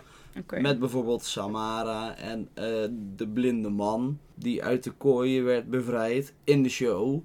Mhm. Die had je alleen maar gekend als je daadwerkelijk de televisieserie had gekeken. En er kwamen heel veel buitenlandse gasten die dat natuurlijk niet hadden gedaan. Nee. En die snapten dus helemaal niks van de show. En zo, nu hebben ze de show ook alweer vier, vijf keer aangepast. De show is inmiddels te begrijpen voor iedereen. Maar het decor is zo erg volgebouwd dat je ook gewoon weer belangrijke dingen mist of niet kan zien als je op een bepaalde plek zit. Ja, dat is wel. Als je op de ene plek ziet, dan zie je soms zelf van de hele show niet natuurlijk. Ja, daar kan je... Ja, dat is en nu als je bij zo. het wapen van Ravelijn gaat borrelen, dan zie je eh, Draconicon ook al drie, jaar drie jaar lang liggen. Voordat hij op moet komen. Ja, Dat is ook een beetje jammer. Ravelijn was een goed initiatief voor een parkshow. Ze hebben ook goed hun best gedaan om Paul van Lonen bij te betrekken. Maar het slaat weer net de plank mis. Vind ik. Mm, ik vind ook dat het net de plank mislaat. Maar even mijn mening. Ik vind het eh, ontzettend mooi. Gewoon even de ruimte, de gebouwen. Ook ontzettend goed gedaan. Dat het dan ook in combinatie is met het hele kantoor natuurlijk. Wat er dan ook aan verbonden zit. Ik vind dat dat echt subliem is gedaan. Als we kijken naar architectuur en omgeving. Dat vind ik gewoon prachtig. Wat ik wel een beetje vind is het, dat het net iets te e- exclusief is. Omdat je natuurlijk alleen daar naartoe kan als jij die show gaat bekijken. Dus in dat opzicht, ja, je, mo- moet je nu nog steeds zo'n kaartje hebben? Ja, hè? Ticket vooraf. Ja, het is echt iets waar je als normale bezoeker niet eens echt erg in hebt. Of denkt van, nou, we gaan er even, even naar kijken. Omdat je daar helemaal, ja, je ziet het, je ziet een mooie poort. En je denkt, wauw, het is wel echt eh, iets gaafs om dat te beleven. Maar je kan er eigenlijk niet in. Dus het voelt een beetje te exclusief of zo. Terwijl het echt een ontzettend mooi gebouw is. Dus misschien dat ze daar iets meer mee hadden kunnen doen. Dat je het ook gewoon, dat hele gebied had kunnen bezoeken. Zonder de parkshow te bekijken. Maar dat mag niet. Nee, maar vind je- ben je het daarmee eens? Daar ben ik het wel mee eens. Ja. Ja. En als we dan kijken... Een van die ambitieuze Bart de Boer eh, ondernemingen geweest. Die niet helemaal heeft uitgepakt zoals hij had moeten uitpakken. Nee. Maar wat ik ook... De, het- Raaflijn had inderdaad een gebied moeten zijn dat je had kunnen bezoeken waar je op de foto kon met de ruiters en waar je daadwerkelijk even jezelf in zo'n middeleeuws dorpje had kunnen begeven. In plaats daarvan is het een vreemd hoekje tussen Villa Volta en eh, Droomvlucht geworden waar af en toe, niet eens altijd, Thomas en eh, Halina voor de deur staan om mee op de foto te gaan. ja, precies. Het is echt een, een beetje... Het voelt een beetje exclusief of zo. Eh, het, het had een F-tier kunnen zijn hoor, met, met de mogelijkheden die Ja. ervoor hadden inschatten. Maar nu is het gewoon een D-tier. Ja, ik wil zeggen, de omgeving is prachtig, maar het wordt niet goed ingezet. En als Het wordt, show... het wordt niet gebruikt. als show zelf, het is leuk om een keer te zien. Maar ja, ik wil niet te veel onderdoen, want het is gewoon een goede show. In ieder geval niet die in coronatijd, die is niks. Maar die moet je echt niet bezoeken nu. eh, nu. Maar de normale show was gewoon goed en het was echt leuk om een keer te zien. Maar daar hield het ook een beetje bij op. Het is niet dat je verschillende shows, eh, in ieder geval wel in periodes, maar niet dat je dan, weet ik veel, op een paar dagen verschillende shows, eh, op een dag verschillende shows had. Dus je hebt ook niet echt afwisseling. Ja, ik denk als bezoeker die er regelmatig naartoe gaat, sla je deze toch altijd over. Als je die één keer in het jaar een keer ziet, dan is het prima. Ook en als ik- dagjesbezoeker zou ik hier niet mijn tijd aan verspillen, denk ik. Nee, ik denk dat dagjesbezoekers dat eigenlijk ook niet heel veel doen. Maar ah, ik vind het zo lastig, want qua show vind ik het echt inderdaad een. Maar als ik dan de omgeving en dat hele, de, hele thematisering Ja, maar erbij... dan mag je niet komen als je niet naar de show gaat. Nee, dat is ook weer zo. Dus het is gewoon een D'tje. Dus we gaan hem op D zetten. Het is gewoon duidelijk een D'tje. Nou, over de volgende kan ik jou, eh, kan ik jou wel uren over laten praten. Monorail! De monorail. De slakken monorail. Ja, top attractie. Ik heb er gewerkt. Ik heb me bediend met mijn eigen vingertjes. Ja, Ze hebben de slakken echt een heel mooi eh, kleurtje gegeven vorig jaar. ik wil deze eigenlijk even samenpakken, want ik zie hier ook het volk van Laaf erbij staan. Dat we die twee even samenpakken. Of in ieder geval wel apart beoordelen, maar nu die, even... die horen er wel bij. Dat we die even samen nu beoordelen. Want. Het volk van Laafs eigenlijk een beter stuk van de Efteling dan het Sprookjesbos. Oeh. In het volk van Laaf zit je echt in een, een immersive omgeving. ja, Dat is de enige plek in de Efteling waar je, waar je dat gevoel krijgt. Je En- bent echt in een ander dorpje. ja, De slakken horen daar natuurlijk ook bij. Die zie je overal boven je hoofd krieuwelen. Ook een mooie baan met mooie golfeffecten op de baan zelf. en met een immersive gebied bedoelen we trouwens dat als jij in die omgeving staat, dat jij links van je kijkt, rechts van je kijkt, het helemaal om je heen en je bent allemaal in hetzelfde thema. Dat is eigenlijk wel een goede manier om te omschrijven, toch? Dus overal waar je kijkt, je bent echt even in dat gebied. En als jij om je, ja, om je heen kijkt, dan is dat ook het enige wat je ziet. En dat bedoelen we met immersive, dat je echt even in die beleving staat. En dat is bij het Volk van heel goed. Ook weer zo'n verborgen pareltje deze hoor. Ook iets, het is altijd rustig, hoe druk het ook is in een park. Terwijl het echt prachtig is. En een superleuke beleving, superleuk om even doorheen te lopen. Ik denk dat het, ja, ik vind dat het echt een hele grote meerwaarde heeft eh, aan de Efteling. En ik zeg ook al, als ik iemand daarmee naartoe, naar de Efteling, eh, als ik iemand mee zou nemen naar de Efteling, dan zou ik ook zeker door het Volk van Laaf lopen. 100%. Maar wij zijn allebei ontzettend fan van het Volk van Laaf. Dus ik denk dat we, Dit gaat gewoon een S-tiertje die gaan worden. we zeker op een S-tier zetten. En de slakkenmonorail die hoort er ook gewoon bij. Want dat is gewoon volk van laaf van de bovenkant. Dat is van de andere kant bekijken. De slakken die, die horen gewoon bij het volk van laaf.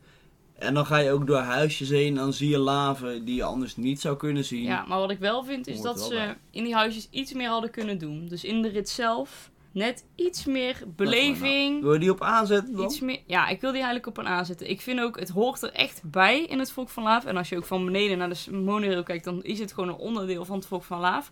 Maar als ik kijk naar de rit zelf, dan vind ik toch... Tuurlijk, je kan even vanaf boven het ding bekijken en dan kom je een paar huisjes in en dan zie je af en toe eens een laafje voorbij komen. Maar daar hadden ze wel echt iets meer kunnen doen qua misschien ook een Ja, klein huisje of iets. Of, ja, oké. Dan heb je gelijk in. Dit is een aatje. ja, Een die gaan we op een A zetten. Dan gaan we weer door naar een pareltje, hè? Spookslot. Instant Essie. Instant Essie. Ja, dit is natuurlijk een... Ik heb hier gewoon geen slechte woorden over. Ook als je de documentaire kijkt van Lex Lemmens, die praat over de bouw van het spookslot. Ja. De geschiedenis is fantastisch. Hoe dat alles werkt, is fantastisch. Ja. Hoe daar zeg maar zoveel dingen in beweging worden gezet op het stuk van eh, de dans van de doden in het Nederlands is fantastisch. Er is niks aan het spookslot waar je kritiek op zou kunnen hebben. Mensen zeggen dat het saai is, dat er niet veel te zien is of te doen. Maar op, eh, bij elke, elk raam waar je kijkt in spookslot is iets anders te zien. En zie je weer dingen die je bij een ander raam niet kan zien. Als jij bij raam 1 gaat staan, als we tellen vanaf waar je binnenkomt, dan kan je niet zien wat er bij raam 6 gebeurt. Dan zal je nooit de verbranding van Esmeralda kunnen zien.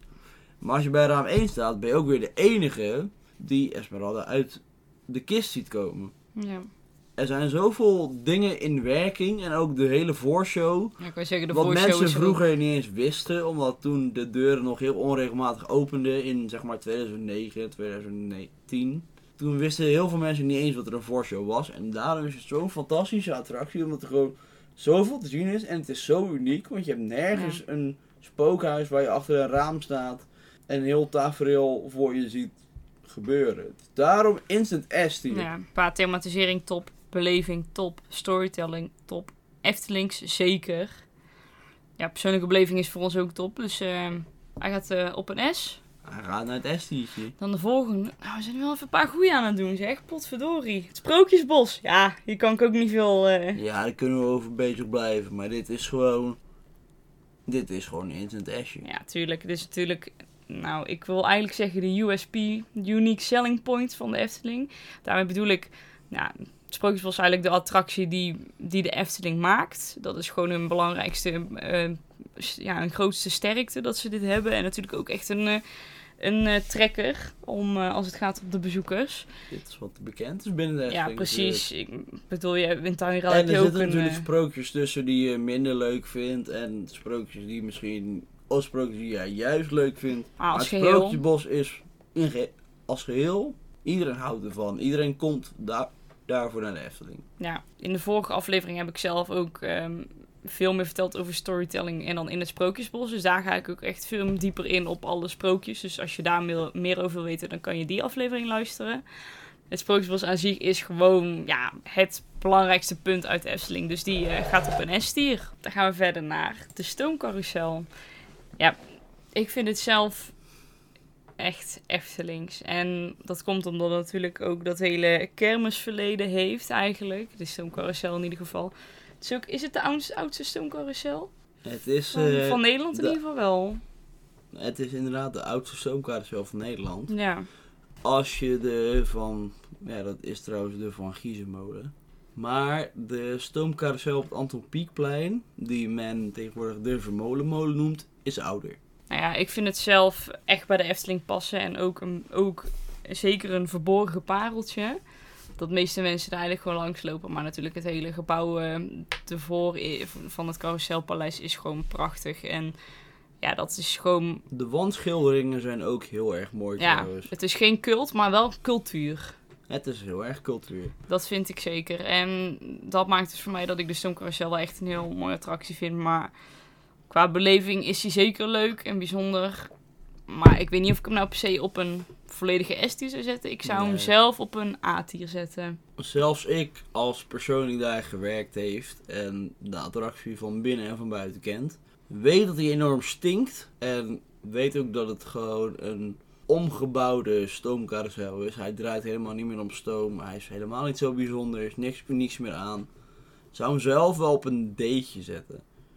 Dat is wel Maar het is, het is de hele omgeving en de hele sfeer rondom het carouselpaleis die die attractie zo uniek maakt. Mhm. Maar we zijn nu puur de attractie aan het beoordelen, niet de omgeving en Nou niet waar ja. die staat. Dus dan verdient hij voor mij gewoon een D'tje. Wat ik wel wil zeggen is dat ik de voorgevel wel onderdeel vind van de stoomcarousel. En als ik dat Oh, erbij dat tel, dan vind ik het wel een Maar A. dat, dat is ook weer ruimtelijke ingeving en niet de attractie zelf. Nee, oké. De Dus- attractie zelf is gewoon een draaimolen die heel erg hard gaat. En het varkentje is mijn favoriet. Dus dan zou ik, ik zou hem dan op Nou, een B zetten. Oké, ik, ik zou hem eerst een D geven, omdat het gewoon een draaimolen is. Omdat er een varkentje op zit met een pipo, krijgt hij een C'tje. Een C? Een C'tje. Nee, wat, Om de varken met het pipo, hè? Nee, daar, nee, daar ben ik het echt niet mee eens. Nou, wat, wat, wat zou jij hem geven dan? Ja, ik zou hem dan... Ik had hem zelf een A gegeven, maar ik zou hem dan nu... Hij heeft nog wel een origineel draaiorgel inderdaad. Ja, met- Oeh, dat is wel. Met alle punten zou ik hem dan... Met al onze meningen zou ik hem dan een B, B geven. Ja, een beetje verdient hij wel. Hij is duidelijk leuker dan Carnival Festival, het kinderspoor, de gondoletta en de oude turf. Daarom. Maar is hij leuker dan de Piranha? En Kindervreugd en Joris en de Draak en Droomvlucht? Nee, dat niet. Oké, dan staat hij mooi bij de B. Stoomtrein. Ja, de volgende stoomtrein, de parktrein eh, van de Efteling. Ja, mooi. Het heeft natuurlijk een hele rijke geschiedenis. Het is er al super lang. Ziet er leuk uit. Ziet er Hij, leuk uit. hij reed vroeger op een, op een ander spoor. Het spoor was nooit rondom de Efteling. Ik denk dat het enige leuke aan deze attractie de foto's ervan zijn. De rit zelf is heel erg saai en Ja, het is op zich een... best wel lelijk. Het enige leuke stuk is als je vanaf het eh Ton van de Ventplein naar Ruigrijk gaat. Dan ga je over dat stukje bij het water heen, waar de gondolet ook langs vaart. Ja. Dat is echt een, een punt waar mensen veel foto's maken. Voor de rest is er niet zoveel aan deze attractie. Vooral niet als je van Ruigrijk naar Ton van de Ventplein gaat. Daar zie je alleen maar achter de schermen. Je ziet parkeerplaatsen en je ziet alleen maar ellende. Die trein die schudt echt mokerhard. het is helemaal niet comfortabel en het is helemaal niet leuk. Er wordt niks verteld in de trein, er wordt niks omgeroepen. Het enige voordeel wat je hebt is dat het de enige manier is om station Sprookjesbos te zien. Wat je anders als bezoeker in Noord zou kunnen zien. Nee, ik vind het zelf... Ik vind het voor een parktrein gewoon een prima, mooie parktrein met een mooie geschiedenis. Maar inderdaad, als je zelf kijkt om de hele beleving, ja... Valt er niet zo heel veel te beleven. Ik zou hem dan zelf op een D zetten. Ja, daar hoort hij. Oké. Daar nou. hoort hij. Stoomtrein gaat op een D-tier. Dan de volgende attractie. Een van de nieuwere ook. Waar Kjeld en ik ook weer een ehm, Uitgesproken mening over hebben. verschillende mening over hebben. En dat is eh, Symbolica. Ja, ik vind het zelf... Ik vind het zelf... Nou, we hebben het... Ja, nee, we gaan het nu niet hebben over Pardoes als IP. Daar gaan we het later nog wel een keertje over hebben. In een volgende aflevering. Maar ik vind ehm, Symbolica... Ik vind het gebouw mooi. Ik vind het van binnen mooi. Het bedoelt heeft wel hetzelfde thema. En het is in, in, gewoon in die stijl. En dat vind ik gewoon heel leuk. En ik vind ook echt wel dat er veel te beleven valt. Als je daar in die attractie zit, is het gewoon echt een mooie attractie waar je gewoon echt heel veel kan beleven. Qua storytelling zegt het ook genoeg. Maar het heeft voor mij niet echt die enorme emotionele waarde. En ik denk ook dat dat is omdat ik natuurlijk als kind de Fata Morgana en een droomvlucht gewend ben. En dan nu een Symbolica is veel een heel andere stijl. Ehm, qua ja, de vorm van de attractie natuurlijk als je eerst gewoon of een, bij een droomvlucht op een piranha, een, een karretje of bootje wat dan vooruit. Nou, en dan zie je de dingen. En dan nu is het echt, je wordt helemaal mee in het verhaal genomen. En continu kan je dingen om je heen zien. En het is super. Ik vind het ja, misschien net iets te over de top. Maar het is wel groots uitgepakt in ieder geval. Ik zou hem zelf op een, eh, op een A zetten. Nou, om daar gelijk mee af te trappen, krijgt Symbolica van mij een D. Want ik vind dit verhaal veel te geforceerd. Het is veel te geforceerd, veel te veel voorgekoud. Het wordt vanaf het begin al duidelijk gemaakt wat je gaat doen. Je zou zogenaamd op audiëntie gaan bij de koning. Pardonkel, de kjonkel, die gaat jou ineens meenemen. En dan ga je van de route af. En vanaf dat moment ben je ineens achter de schermen in het paleis der fantasie. Dat is het gewoon. Het is van tevoren al voorgekoud voor je, in drie talen zelfs. In vier talen zelfs. dat is- het Nederlands, Engels, Duits en Frans. Ja, En eh, de voorshow wordt ook gedaan in het gekunsteld Nederlands, Engels, Duits en Frans. maar, Eh, het, maar wordt, het wordt allemaal net iets te veel geforceerd. Wat Droomvlucht en Fata Morgana dus niet doen. Die geven jou vrije interpretatie en je mag zelf je verhaal verzinnen.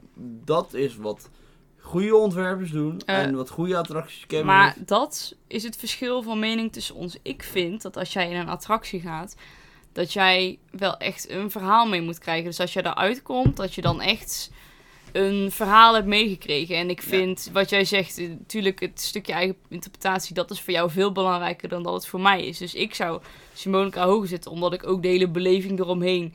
En ja, misschien is het verhaal een beetje voorgekoud, maar dat is ook de bedoeling. Het is de bedoeling dat als jij door een attractie gaat, dat je een verhaal meekrijgt. En dat hebben ze bij Symbolica wel echt willen doen. Je gaat inderdaad Ja, op bezoek zo bij bekijkt, heb je paleis. inderdaad gelijk in. Dan doet Symbolica het heel goed. Maar ik hou daar persoonlijk niet van. Nee. En waarschijnlijk gaan we daar ook door ook kenmerken. Ik denk dat ik deze attractie niet leuk vind. Want ik hou juist van die vrije interpretatie die je bij Fata Morgana wel krijgt. Waardoor ik mezelf in een Arabische sprookjeswereld kan, in, kan voorstellen, zeg maar. Mhm. Wat ik bij Symbolica niet krijg. En daarbij ook nog eens meegenomen dat Henny Knoet nooit zo'n attractie had willen zien. Want die zou zich omdraaien in zijn graf. Want, Hij wilde geen attractie die om Pardoes zou draaien. Hij wilde niks wat om Pardoes zou draaien. hij heeft zelf het Hartenhof ge... Hij heeft Pardoes ontworpen. En hij had ook het huis van Pardoes ontworpen. Maar dat was een soort main hub waar Pardoes zeg maar zijn show zou kunnen doen. En wat een soort doorloopattractie zou worden. En om nou zo prominent, ik, dat vind ik ook nog een probleem. Het, het staat zo prominent in de Efteling. Dat en wel. vanaf de voorkant ziet het er zo mooi uit, maar de zijkanten zijn gewoon afgemetselde loodsen met, met 90 graden hoeken en klaar. Geen torentjes, helemaal niks. Helemaal niet mooi. Ja, ik vind zelf natuurlijk, Pardoes is gewoon IP van de Efteling. Ja, het belangrijkste karakter en natuurlijk de mascotte van, van de Efteling. Dus in dat opzicht, ja, verdient Symbolica dan zo'n prominente plek? Ja, misschien wel. Of ik het daarmee eens ben dat Pardoes en Symbolica zo'n prominente plek hebben in de Efteling, dat misschien niet. Maar Nou, qua attractie en beleving vind ik het zeker dat ze daar echt wel goed gedaan hebben. hij past mij eh, op een D'tje, denk ik hoor. Ja, jij vindt hem een D, ik vind hem een A.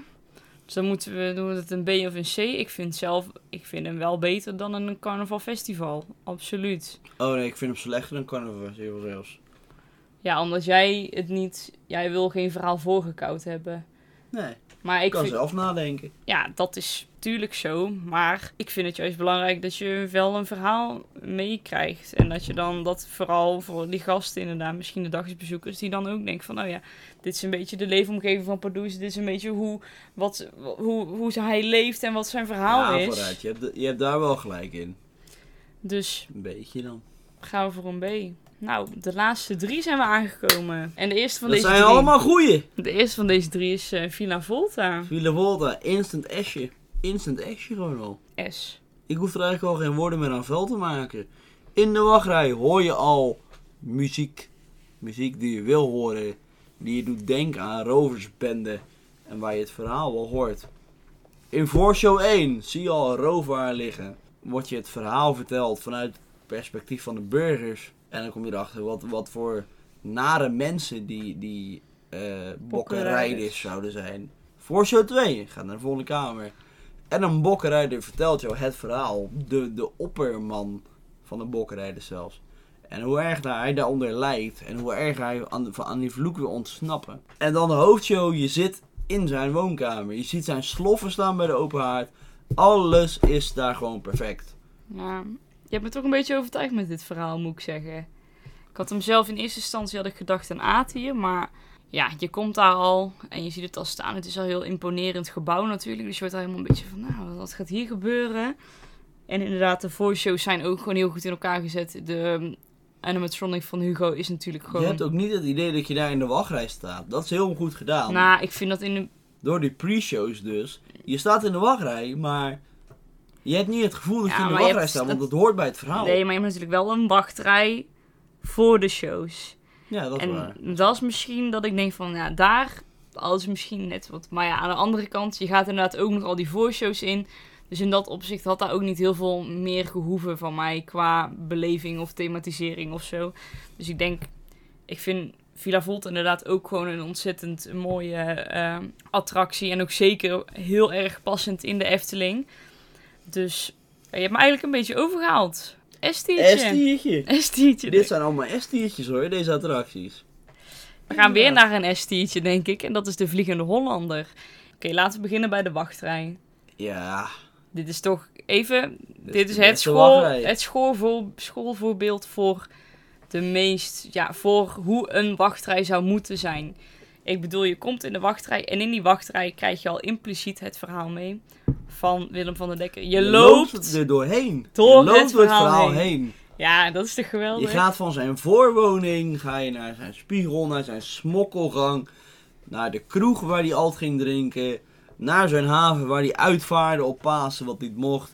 En constant die, die fijne en niet vervelende muziek. Ja, in dat principe, deuntje wat, wat in je hoofd blijft hangen, maar niet vervelend wordt. in principe ben jij Willem van der Dekker die gewoon In het principe verhaal ben jij, doorloopt. en iedereen die er binnenkomt is Willem van den Dekker en kan zijn verhaal ervaren. En, ja, en qua ride is het ook En de Efteling die heeft hij toen zo'n hoge standaard meegezet dat iedereen het nu nog steeds vergelijkt met de Vliegende Hollander. Ja. Waar de Efteling tegenwoordig al heel lang de plank mislaat door dat juist niet te doen, is de Vliegende Hollander echt een, een pareltje wat, wat wachttijden en wachtrijen betreft. ja, zeker. Dus ja, in dat opzicht hebben ze het al, verdienen ze al, verdient de Vliegende Hollander al een S-tier. Maar ook de hele attractie Ik- ik- eromheen is uniek. Het heeft ook heel veel moeite gekost. Heel gewaagd ook weer. Maar ja, dit is gewoon een topattractie. Ik Echt vind het op top. persoonlijk ook gewoon vervelend als er een korte wachtrij is voor de Vliegende Hollander. Want ik ga er vooral in voor de wachtrij eigenlijk. Ja, dat is ook wel de beleving. Je wil dat is natuurlijk iets wat je de bezoekers helemaal wil geven. Dat ze niet vervelend vinden om in een wachtrij te staan. En de Vliegende Hollander doet dat gewoon. Dus ja, ik ik, weet de niet. wachtrij wel een van de mooiste dingen van de hele Vliegende Holland. Dus Moeten we er nog meer woorden aan vuil een, maken? eh, S-tiertje. S-tiertje. Deze verdient overduidelijk een S-tier. En Ja. Rocky. En de laatste, de, en Rocky. de Vogelrok, ja. Rocky. Ja, dit is Bewogen geschiedenis. ons favoriet. Is eh, zeker onze favoriet. Van onze vriendengroep sowieso. Ja. Dus ja, Rocky is wat ons bij elkaar brengt. Rocky is wat we op een t-shirt hebben staan. Ja, er is eigenlijk niet zoveel te zeggen over deze attractie. ja, je... Ja, Hij had vroeger een hele gave wachtrij. Die kennen wij allemaal niet echt meer zoals die er was. nee. Had je dus uitzicht op de baan vanuit de wachtrij. Nee, dat heb ik eigenlijk... Nee, dat heb ik nooit meegekregen helaas. Maar Hij zit nu al in de derde vorm van zijn wachtrij, maar het is gewoon echt een lekker baantje. ja, het is ook een, een prettige attractie ehm, qua beleving als in je komt daar eh, binnen. De wachtrij is 9 van de 10 keer niet lang. Dus je bent ook zo binnen. En het is gewoon een goede achtbaan. En ik denk dat dat ook fijn is. Want sommige attracties wil je ook niet urenlang in de wachtrij staan. En dit is hij, gewoon is, een hij lekker... is gewoon heel erg comfortabel. Ja, een doorloopattractie. De G-krachten zijn precies goed.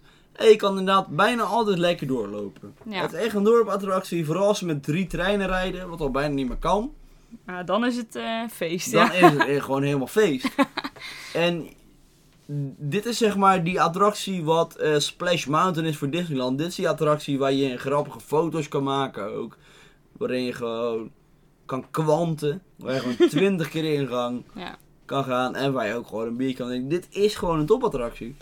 Rocky die verdient gewoon die S plus voor zijn comfortabelheid en zijn uitnodigendheid. Ja, Hij is geen S plus, ik weet het. Maar ja hij verdient hem wel. hij verdient het. Wij hebben En zo... dan laat ik me wel heel erg tekenen door mijn eigen mening Dat hoor. wil ik ook zeggen. Wij hebben ook echt wel echt die affiniteit met deze attractie. Dat we dit nu natuurlijk zeggen. Als we kijken naar thematisering bijvoorbeeld en storytelling. Ja, hadden misschien wel beter gekund. Maar voor ons... Ja. We En kunnen hem niet lager zetten, laten we het zo Fons zeggen. Jurgens, laat alsjeblieft die vogels weer vliegen. Ja, ik wou Bij de zeggen... lifthill. Eén minpuntje is natuurlijk dat ja, die vogels helaas nu statisch zijn en niet meer bewegen. Dat is helaas wel eh, het geval. Laat maar ze goed, vliegen, Fons. hij Kom op. laat ze vliegen. En eh, daarmee vliegen we de vogel ook naar een S-tier, denk ik. En dan hebben we hiermee hebben we alle attracties gehad. En ik zal nu nog heel even snel de hele lijst opnoemen voor jullie. Op de S-tier staan het Anton Pieckplein, Baron 1898, het Efteling Museum, Fata Morgana, Volk van Laaf, Spookslot, het Sprookjesbos, Villa Volta, Vliegende Hollander en Vogelrok. Op de A-tier staan Diorama, de Halve Maan, Pagode, Python en de Slakkenrail, of ja, de monorail. En dan op een B-tier staan Droomvlucht, Joris en de Draak, Kindervreugd, Piranha, de Stoomcarousel en Symbolica. Op een C-tier Carnaval Festival, het Kinderspoor, Gondoletta en de Oude Tuffer. Op een D-tier staan Max en Moritz, het Avonturendolhof, Ravelijn en de Stoomtrein. Op een E-tier komen Fabula, de Game Gallery en Polka Marina. En als laatste op een F-tier Aquanura, Misje Cannibal en het Kleuterhof. Nou, dan waren dit alle attracties. Ik hoop eh, dat jullie het leuk vonden om hier naar te luisteren. En eh, dan wil ik jullie hartelijk bedanken. En eh, tot de volgende aflevering. Doei doei.